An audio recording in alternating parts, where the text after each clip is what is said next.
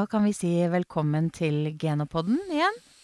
Eh, og igjen så er jeg veldig, veldig glad for at vi kan eh, si velkommen til Genopodden fra Eidsvoll. Eidsvoll, ja. Ja. Og årets første, hele sesongens første snøværsdag. Ja, guri malla. Jeg kom meg helskinna hit, men eh, det var bare på nippet, skal jeg si deg.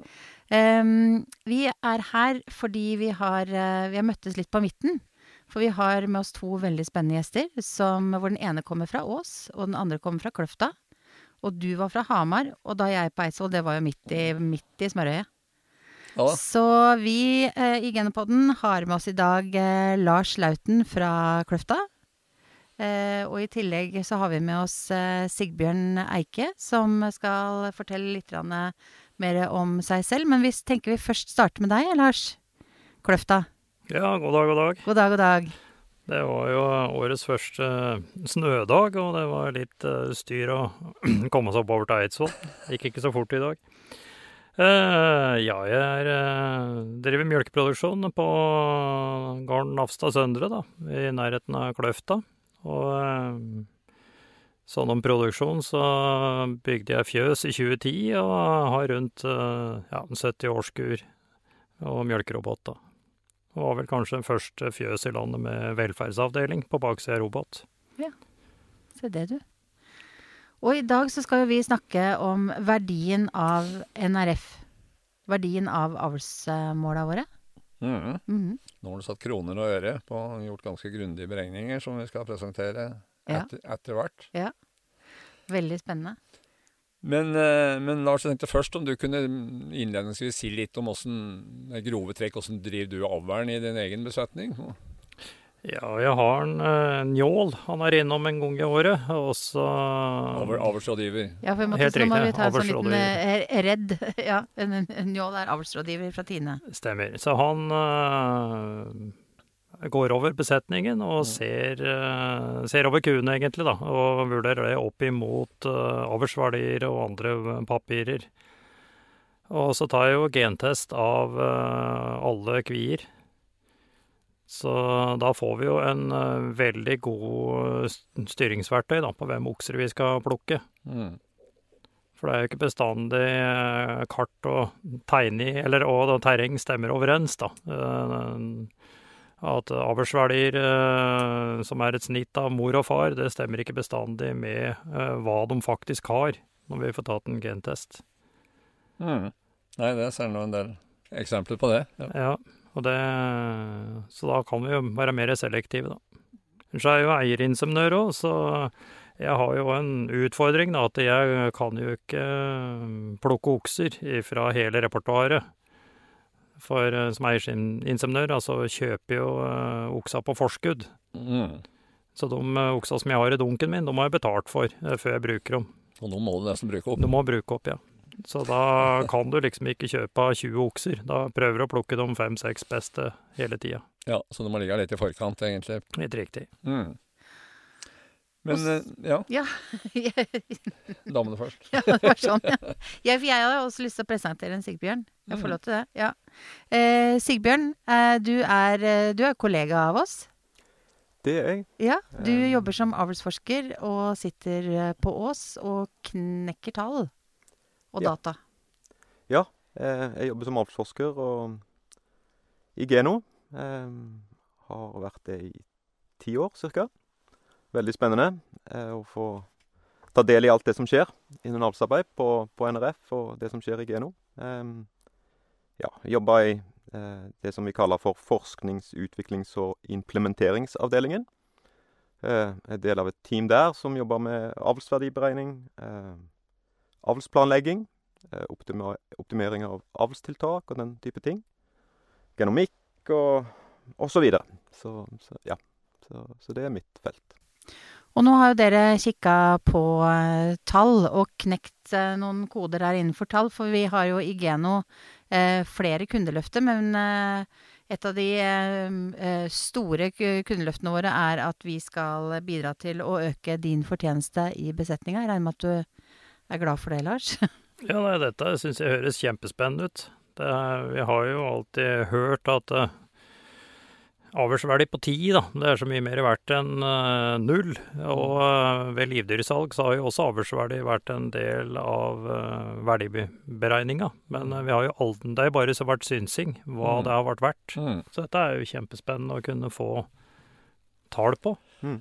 Og Da er det litt spennende å høre hvordan dere har grepet an dette prosjektet og begynt å, hvordan dere har tilnærmet dere og kommet fram til noen økonomiske verdier. Ikke bare på den samla avlsverdien, men også på de enkelte egenskaper som inngår i avlsmålet. Ja visst. Ja. Og det er jo det å kunne sette kroner og øre på, på den på det, det en klarer å oppnå med avlsarbeidet, er jo, er jo veldig viktig å, å, å, ha et forhold til og, og, se hva som er mulig å oppnå. Så, så det har vært et veldig spennende arbeid. Eh, som er gleder meg til å fortelle mer om. ja, du kan jo bare få begynne å fortelle litt om ja. hvordan du konkret har gjort det. Kanskje på én egenskap som kanskje er av de enklere, f.eks. mjølk, da, for å ta utgangspunkt i den først. Ja.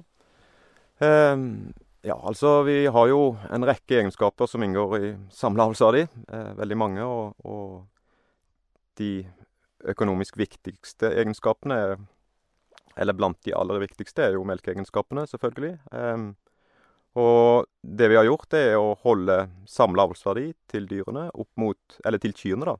Opp mot eh, hva de faktisk presterer. Se på sammenhengen mellom, mellom eh, hva en, en auke i ett poeng i samla avlsverdi har å si for, for en eh, gjennomsnittlig auke i kilo melk, f.eks.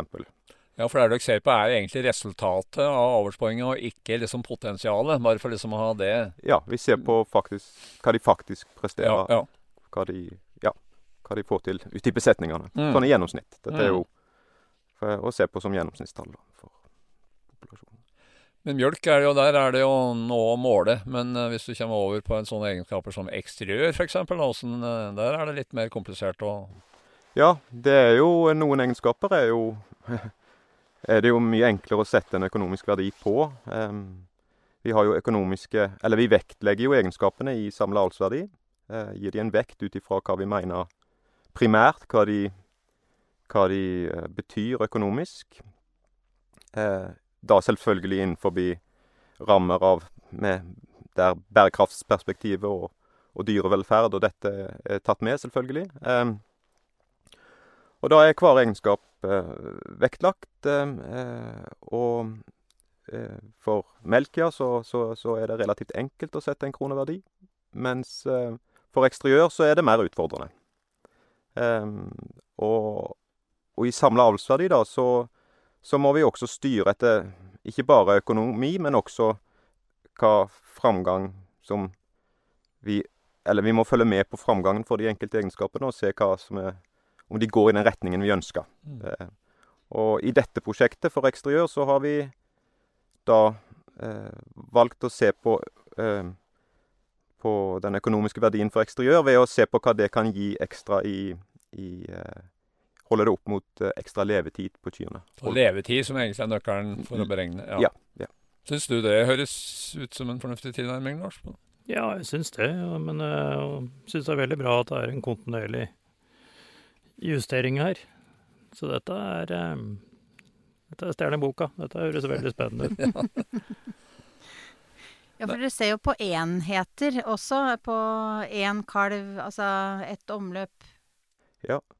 Så når vi, eh, når vi, setter disse økonomiske vektene, så, så er det per enhet. Sånn at eh, vi ser på hva en kilo melk ekstra har å si. Eh, vi ser på hva et ekstra omløp har å si i forhold til ekstra kostnader. Uh, et sykdomstilfelle osv. Um, ja. Så det, det, er liksom utgangspunktet. Og så ser vi da hvor mange enheter, eller hvor mange kilo melk da f.eks. Eh, ett poeng i samla avlsverdi har å si, og hvor mye færre sykdomstilfeller eh, en auke i samla avlsverdi har å si, osv. Og, så og så tar vi inn da disse kroneverdiene som vi har satt på de enkelte egenskapene. Og så, når vi da summerer på over alle egenskaper, så kan vi komme fram til en samla kroneverdi da, på hva et poeng er verdt. Ja. Og da kan vi vel egentlig si det nå, da. Det, det, er, det er, ikke så mange som har, som har sett disse resultatene ennå. Men liksom, hva er verdien, hvis vi begynner først med en ett poeng samla avlsverdi? Eh, Så ja, så når vi summerer for alle egenskapene og egenskapsgruppene, så kommer vi fram til at ett poeng eh, tilsvarer tilsvarer eh, ca. 200 kroner per ku per år. Så, så, som vil si da at ei ku født ett år vil i gjennomsnitt kunne produsere for eh, å, produsere for 200 kroner mer. Eller ha en 200 kroner i fortjeneste da, i forhold til ei ku født året før. Så, Mm. ja, så, Mm. Ja, for er verdien av ett, ett avlspoeng totalt inn- i den samleindeksen er, er 200 kroner. Og så har du nå, ligger vi på en årlig framgang på ja, den er seks. seks poeng, ja. Ja. ja. Så, ja, så hvis du tenker avlsframgang, så og den er seks poeng, så kan du gange 200 kroner, da. Mm.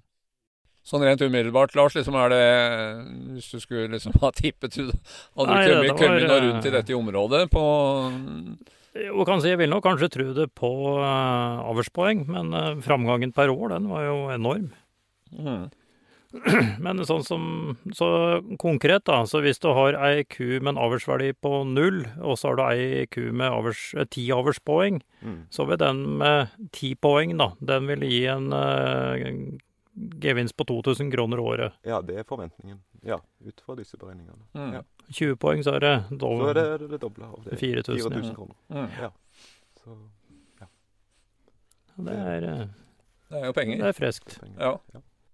Og, ja, nei, det, det, det, det illustrerer jo hva de store verdiene som ligger i avlsarbeid, og, og et godt avlsarbeid. Men når dere så, dere har summert alle disse egenskapene for å komme fram for å få den totale uh, summen. Men var det noen overraskelser når det gjaldt verdien av enkeltegenskaper her? Sånn uh, Eh, vil du si? eller? Ja, både ja og nei. Altså, vi, vi vektlegger jo eh, melk, eksteriør, fruktbarhet, helse, som kjent, eh, med sterkt.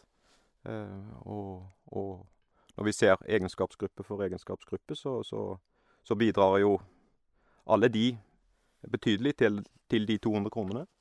Um, eh, men så er det andre egenskaper da som, som vi har mindre vekt på, som da som vi klarer å holde nivået, eller som på, eh, ser det ut som. Eh, selv om de ikke bidrar så mye inn i de 200 kronene, da. Og, og for, for kjøtt, så I denne beregningen så, så har vi faktisk en, en eh, liten eh, negativ eh, sammenheng. Som vil si at igjen, i gjennomsnitt så vil et dyr med ett poeng høyere i samla avlsverdi, da ha litt mindre kjøtt, inntekt fra kjøtt, enn enn ei ku med ett poeng lavere samla avlsverdi. Så, så, ja. Mm. så det var kanskje Mm. Men jeg har, eh, hjemme så har vi ei ku som har minus fem i avlsverdi, og hun mjølker jo 12 000-13 000 liter mjølk. Hvordan kan det ha seg da? eh, Ja, altså dette Det vi jobber med, er jo et, eh, et eh, tverrsnitt. Vi prøver å se populasjonen under ett, selvfølgelig. Og, og det er jo klart at eh, eh, miljø og den biten der har jo svært mye å si også for hva, hva resultat du kan oppnå, selvfølgelig. Og, og det er jo Ei ku med lav samla avlsverdi kan jo være veldig sterk for, for mange egenskaper, men, men for den del ha en lav avlsverdi for melk og melkeegenskapene. Eh, Så, så dette er ikke Ja, så det kan være flere årsaker til det. Ja, for det er vel litt, selv om man har beregningene, så er vel ikke akkurat to strekker under svaret uansett. Eh, det kommer jo an på alt med fôr og ja, hva, hva du også gjør eh, i forhold til besetningen din, er det ikke det? Absolutt. Mm. Og, og det er jo litt i vi, så, Igjen, ja. Vi prøver jo å vi, vi må jo ha Vi har jo Bruker jo Tar jo utgangspunkt i, i populasjonen som sådan. Eh, og vurderer den. Og prøver å få et best mulig tall for eh, for, ja, for, for norsk melkeproduksjon som et gjennomsnitt, da, kan du si. Eh, Ja. Jeg kan si hun er refererer til, hun har jo litt dårlig bein, da, og jura er vel heller ikke akkurat noe særlig pent. Så det er vel en sammenheng med det òg, antageligvis. Mm, mm. Men du mjølker mye, da. Mm.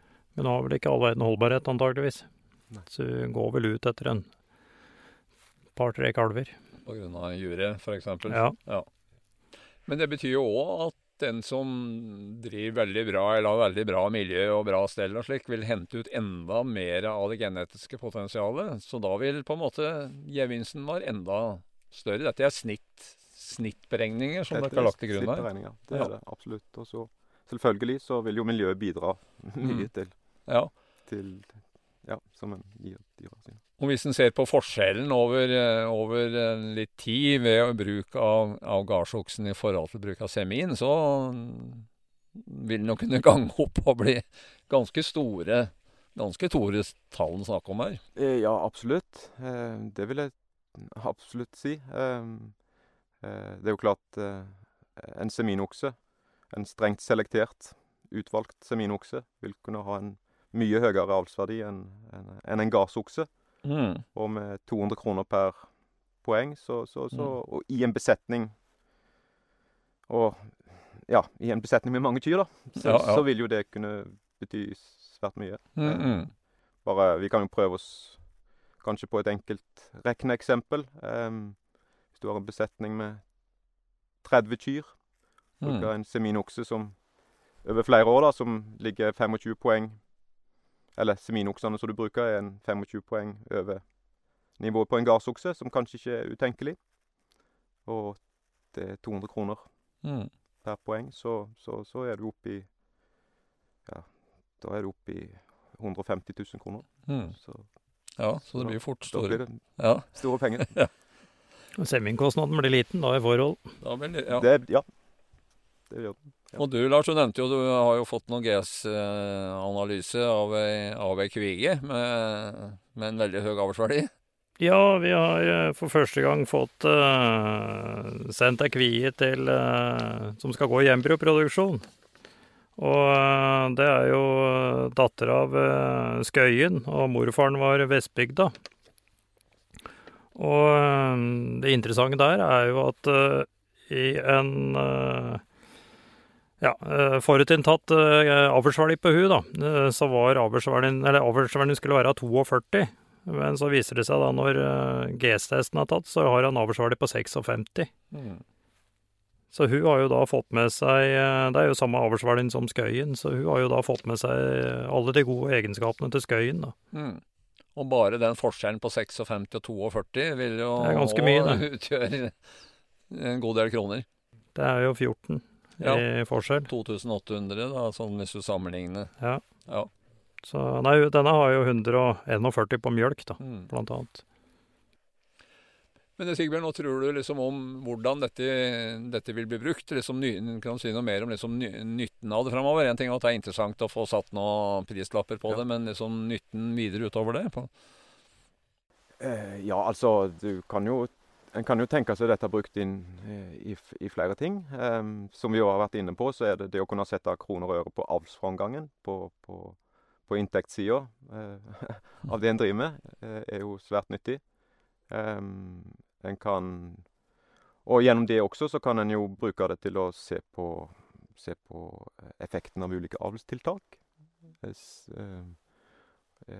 For da kan jeg på en måte se hvor mye som det er lønnsomt å investere i et tiltak. ja, da, komme ut i pluss. på. da vil det da vil det være en viktig input-parameter til det. Eh, eh, Selvfølgelig sammen med, med kostnader som vil med i avlstiltaket, da, og, og så videre. Eh, eh, og det kan være avlstiltak som, som vi snakker om inn- innen besetning eh, for den enkelte. enkelte. Så, Mm. så vil det også kunne være nyttig. Vi var jo Vi har vært innom både genotyping nå, og vi var jo innom dette med Mm. semin versus Mm. gassokse osv. Så, videre. så, Mm, mm. så flere ting der. Um, ja. Så. Mm. Ja, Lars, hva tror du om liksom den nytten av dette? Nei, jeg syns dette er kjempespennende. Det er, eh, det er jo ting vi bare har synsa om tidligere. Eh, og i alle år så har jo dette her med avlspoeng vært en eh, vekting da når du skal selge livdyr, blant annet. Og du veit jo ikke hva du betaler for, sånn som det har vært. Men nå får du egentlig tall for det, da. Mm. Jeg husker ikke hvor mye er det 100 kroner som uh, Nortura har liksom beregna per avlspoeng eller noe sånt i tilleggspris, eller er, eller er det mer? Det Nei, husker jeg ikke. Jeg tør ikke å si det i farten. Nei. Men de har i hvert fall hatt en sånn Mm. en eh, faktor på det. da. Ja da, nå vil den jo få et grunnlag for å grunnlag. sette en riktig, riktigere faktor på det. Ja, men så har jo avlsverdiene de har jo stiget voldsomt de siste åra, da. I Mm. forhold til for 15 år siden så var jo en avlsverdi på 10, det var jo veldig bra. Mm. Uh, og nå opererer vi jo med avlsverdier på 20 og 30 på disse her kvigene. Ja, helt opp til 56. Ja, Det er jo heftig. Ja, Og det har jo vært uh, absolutt. Og, det, og, og dette at avlsomgangen nå stiger, og vi har seks poeng per år, det, er jo, det, det har jo en, en sammenheng med det òg. Vi har fått avlstiltak som vi har gjort, at det har gjort at vi har fått en, en strengere seleksjon, og vi har fått sikrere avlsverdier, som vi gjør, så vi gjør et bedre utvalg av avlsdyr. Både okser og kyr. Eh, og alt dette bidrar jo, og, og dyra får mer vist sitt genetiske potensial. Eh, hva de er gode for i avlsverdiene. Så, ja, så. Og den framgangen kan vi fortsette på hvis ting blir gjort riktig. ja, det er ingen grunn til å, til å ikke tro det. Nei, absolutt. Og dette er jo samar det gode samarbeidet også mellom altså dere som produsenter, Lars, og, og dere som forskere, Sigbjørn. For det er jo noen ting med Uten de gode dataene som det Lars eh, bidrar med, så har jo ikke du noe å jobbe med. Nei, det er vi helt avhengig av, Mm. og det er en veldig, ja, veldig fin ting. Og det er jo veldig kjekt å kunne sitte så tett på for oss, og, så, og da kunne Og at det er så eh, nær sammenheng til det, til det dere driver med, og det som vi prøver å få til med vårt arbeid. Eh, og at vi kan sammen få til eh, bra resultater. Ja. Mm. Mm. Ja, men det er viktig å understreke, for det er kanskje noen som tror at nå i den teknologiske, høyteknologiske alderen så betyr det ikke noe mer, dette med disse registreringene som blir gjort, men det er jo egentlig helt motsatt. For den nye teknologien er ikke mye verdt hvis den ikke har disse registreringene ifra. Nei, det er berømte alfa og omega, er det ikke? Ja. Ja, nei, jeg går jo og venter på to ting når det gjelder akkurat dette her med data og registrering. Det ene er jo at eh, når vi setter øremerker eh, på kalven, at eh, det øremerket at det automatisk da kunne ta ut en GS-prøve fra det øremerket, eh, så at du fortløpende kunne ta av kalva dine. Eh, og det andre jeg hadde håpa på, det er jo eh, på mjølkeroboten. da, Så veier jo vi mjølk hver dag. Mm. Eh, og på roboten hjemme så har vi jo både celletall og indikasjon på fett og protein. Så vi veier jo mjølk hver gang kua er inne og blir mjølket, da, tre ganger i døgnet på hver ku. Mm. Uh, og det er jo veldig synd at Geno ikke kan få tilgang til den informasjonen, da. At det da seks-sju innsendte mjølkeprøver i året da, av hver ku, at det skal være tellende. Ja, jeg er helt enig med det. Vi er ikke uenige der, men det er jo, ikke sant, data er jo verdier og det. For det er akkurat det vi sier, og så snakker vi om eh, Ja. avlsverdiene, så er det jo verdiene, så vi er ikke uenige. Men eh, det Men kan så- nok hende at eh, det er noen som ikke er helt enige med oss. Som, Men det jobbes med det. også. etter Ja. det siste jeg har hørt, så er altså f.eks. mjølkerobotleverandører, så vidt jeg vet nå, så har alle undertegnede avtale. Så, så, men nå, det er noen tilpasninger i mottakssystemet. Det er, noe, det, må, det er noe programmering som må gjøres for at vi rett og slett kan ta imot disse data. Men så vidt jeg skjønner, så har det blitt gjort en del framskritt nå. Og det, dette har vært et langt lerret å bleke. Men forhåpentligvis så så begynner vi å nærme oss og at dette skal flyte av seg sjøl. Og det vil jo gi et stort tilfang, Det vil være en for, for da får du jo en masse objektive registreringer. på. Ja, det vil være en veldig stor ressurs. Eh, mer alt, det, det vil bidra til større sikkerhet i det vi driver med, uten tvil. og vi jobber jo alle for eh, felles mål, så det er jo sånn sett eh, veldig riktig. Ja, Ola. tiden går fort når vi sitter her. Sjøl om vi sitter på Eidsvoll, så går det like fort. Sjøl om vi sitter på Eidsvoll, må du eh, Ja. Ja. Dette skal vi ta på etterpå. Ja, tar en, eh, ikke ta mer om det. Men uh, vi har en tradisjon at våre gjester får lov å komme med et, komme med et råd. Ja, og på Eidsvoll intet unntak, vil jeg si. Nei, det er ikke noe unntak. Nei da, for all del. for all del. Og da er det naturlig å spørre om deres beste råd da, for å få lønnsomhet ut av avlen i besetningen. Om det kan komme med ett et godt tips der. På. Vi kan jo begynne med Sigbjørn. på. Nei, det, det som, så- som mange allerede driver med, så, men som, som fortsatt vil være veldig viktig, det er jo å fortsette med genotyping. Mm. Eh, hvis, eh, og det å kunne For å kunne få mest mulig sikkerhet i, i eh, For de indeksene som en har på dyrene, og for samla avlsa di. Og når en nå ser Eller nå har fått litt tall også på hvor, hvor, mye, Mm. et, Mm. hvor mye det kan utgjøre, så, så er det viktig å ja, ha størst mulig sikkerhet eh, for den samla avlsverdien, da. Mm. Ja. Og Lars, det Jo, jeg er jo enig med han akkurat med gentesting, men jeg tror også dette her med å ha noen eksterne innom fjøset mm. Eh, sånn som jeg har med Njål, og han bruker han som sånn sparringpartner. Eh, for du kan vel veldig lett se deg litt blind da, på dine egne dyr. At uh, har du VIP-kryss for eksempel, da, så uh, går du og ser på dem hver dag, så tror du at det skal være sånn. Mm. Og da sammen med beina, egentlig. Uh, og da kan det være veldig greit at det kommer noen fag rådgivere eller fagfolk utenifra og kan eh, være med å korrigere litt. Mm. At du kan endre retningen, da. Mm. Ja, det var et bra tips. Ja, jeg syns det. Det var veldig, veldig fint. Jeg, jeg, tenker at det får, i hvert fall sånn for meg, da, sånn eh, å se alle disse tallene som eh, har svirra rundt i lufta her i dag, så det kan være lurt å se det kanskje litt sånn, eh, hvis man kan kalle det svart på hvitt, på dataskjermen. Eh, så jeg vil også si at hvis man lurer på mer, så ligger det også god informasjon inne på geno.no om eh, verdien av NRF. Um, hvor vi har litt tabeller og tall som, eh, som eh, gjør det kanskje litt lettere også å skjønne, skjønne hele, det hele konkrete bildet. Og det kommer en del om det i julenummeret av Buskap. Det gjør det også, vet Masse annet avlsstoff. For, for, eh, en- for nå er det faktisk avl som er tema i det Det er det òg. Ja. Eh, for de, dere som hører på, så er Rasmus er jo da også redaktør i Buskap, og jeg sitter eh, med, med min avdeling med ansvar, ansvaret for de eh, digitale sidene til, eh, til med geno.no og Norwegian Red. Så eh, det er fint at vi får balanse på alt sammen. Um, vi skal si tusen, tusen takk til to veldig spennende gjester. Uh, og tusen takk for tiden og for uh, alt vi har lært. Mm. Og denne podden hører du selvfølgelig på alle steder som du hører podkast ellers. Eh, Du finner den også på geno.no. Um, så da vil jeg si tusen takk, og eh, takk for eh, at dere tok det, tok, kom dere gjennom snølaget til Eidsvoll. Og hit er dere velkommen gjerne igjen. Vi kommer til Eidsvoll. Ja, så bra. Gleder meg.